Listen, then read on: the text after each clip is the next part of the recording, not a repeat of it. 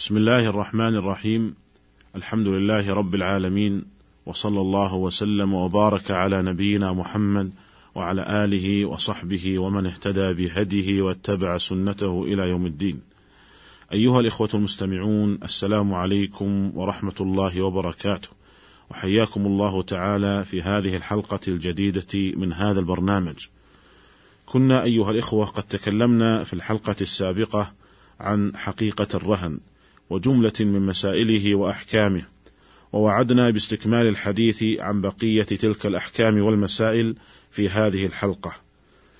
فنقول الرهن لازم في حق الراهن وهو الذي عليه الدين أي أنه لا يملك فسخه لأن الحظ فيه لغيره. وجائز في حق المرتهن وهو الدائن فله فسخه في أي وقت شاء. ولكن هل يشترط للزوم الرهن في حق الراهن القبض أو أنه يلزم بمجرد العقد قبل القبض؟ اختلف الفقهاء في ذلك فذهب الجمهور منهم إلى أن الرهن لا يلزم إلا بالقبض وهذا هو المشهور من مذهب الحنفية والشافعية والحنابلة واستدلوا لذلك بقول الله عز وجل فرهان مقبوضة. قالوا فوصف الله تعالى الرهان بأنها مقبوضة وهذا يدل على اشتراط القبض للزوم الرهن. ولأن الرهن عقد إرفاق يفتقر إلى إلى القبول فافتقر لزومه إلى القبض كالقرض. وبناء على هذا القول فإن الرهن قبل القبض صحيح ولكنه ليس بلازم. ويترتب على هذا القول كذلك بأن الراهن إذا تصرف في الرهن قبل القبض بهبة أو بيع أو نحو ذلك بطل الرهن لأنه بهذا التصرف أخرجه عن إمكان استيفاء الدين من ثمنه. وذهب بعض الفقهاء إلى أن الرهن يلزم بمجرد العقد قبل القبض، وهذا هو المشهور من مذهب المالكية، لأن الرهن عقد وقد قال الله عز وجل: يا أيها الذين آمنوا أوفوا بالعقود وقياسا على البيع فكما أن البيع يلزم بمجرد العقد والتفرق من المجلس ولو لم يقبض المبيع فكذلك الرهن يلزم بمجرد العقد ولو لم تقبض السلعة المرهونة. وأما استدلال وأما استدلال الجمهور بقول الله عز وجل فرهان مقبوضة فليست الآية بصريحة الدلالة في اشتراط القبض للزوم الرهن. لأن الله تعالى أرشد في هذه الآية إلى توثيق الديون وأرشد إلى كمال التوثيق. ولهذا أرشد إلى شهادة رجلين فإن لم يكونا رجلين فرجل وامرأتان. فكذلك هنا في الرهن. أرشد إلى أن كمال فائدة الرهن إنما تتحقق بقبض المرهون. بل إن الآية يمكن الاستدلال بها على أن القبض ليس شرطا للزوم الرهن. ووجه ذلك أن الله تعالى جعل القبض وصفا للرهن فقال فرهان مقبوضة فعلم أن ماهية الرهن قد تحققت بدون القبض. ولعل هذا القول الأخير وهو أن الرهن يلزم بمجرد العقد ولو لم يقبض المرهون لعله هو القول الراجح في هذه المسألة. وفيه توسعة على الناس وتيسير لهم إذ الغالب أن الراهن محتاج للعين المرهونة وفي القول بلزوم, بلزوم الرهن من غير اشتراط القبض تحقيق للفائدة من الرهن وهي توثيق الدين مع انتفاع الراهن بالعين المرهونة. والله تعالى أعلم. ومن أحكام الرهن أنه إذا تلف بعض الرهن إذا تلف بعض الرهن وبقي بعضه فالباقي رهن بجميع الدين لأن الدين كله متعلق بجميع أجزاء الرهن. فإذا تلف البعض بقي البعض الآخر رهنا بجميع الدين.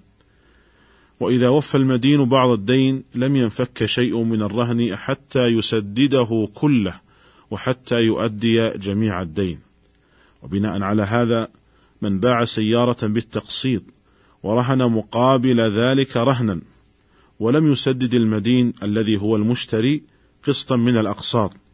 فللمرتهن أي بائع السيارة أن يبيع ذلك الرهن وأن يستوفي ما بقي من الدين حتى ولو كان ما بقي من الدين هو القسط الأخير من السيارة. ومن أحكام الرهن كذلك أنه إذا كان حيوانا يحتاج إلى نفقة وكان في قبضة المرتهن فقد رخص له الشارع في أن يركبه وأن ينفق عليه إن كان يصلح للركوب. وأن يحلبه وينفق عليه إن كان يصلح للحلب. يقول النبي صلى الله عليه وسلم الظهر يركب بنفقته إذا كان مرهونا ولبن الدر يشرب بنفقته إذا كان مرهونا وعلى الذي يركب ويشرب النفقة. قال الإمام ابن القيم رحمه الله دل الحديث وقواعد الشريعة وأصولها على أن الحيوان المرهون محترم في نفسه لحق الله تعالى وللمالك فيه حق الملك وللمرتهن فيه حق الوثيقة. فإذا كان بيده فلم يحلبه فإذا كان بيده فلم يحلبه ذهب نفعه باطلا. فكان مقتضى العدل والقياس ومصلحة الراهن والمرتهن والحيوان أن يستوفي المرتهن منفعة الركوب والحلب ويعوض عنهما بالنفقة. فإذا استوفى المرتهن منفعته وعوض عنها نفقة كان في هذا جمع بين المصلحتين وبين الحقين. أما إذا كان الرهن يحتاج إلى مؤونة لكنه ليس بمركوب ولا محلوب كالعبد وكالأمة ومثل ذلك في الوقت الحاضر السيارة فإنها تحتاج للسير بها تحتاج إلى الزيت والبنزين ونحو ذلك فهذا النوع من الرهن لا يجوز للمرتهن أن ينتفع به إلا بإذن مالكه فإن أذن مالكه في أن ينفق عليه وأن ينتفع به في مقابلة ذلك جاز وإلا فلا.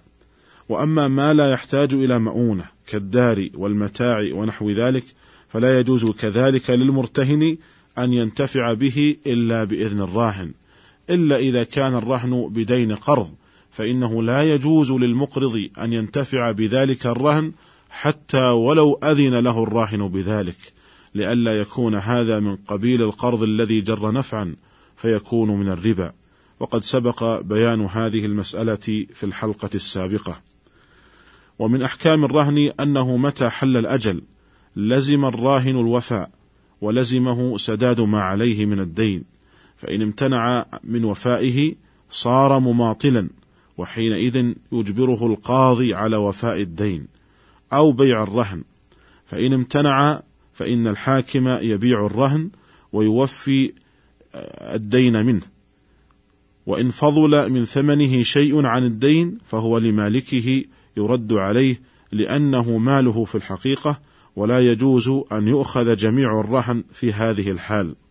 وقد كان من عادة العرب في الجاهلية أن الراهن إذا عجز عن أداء ما عليه من دين استولى المرتهن على الرهن كله فأخذه.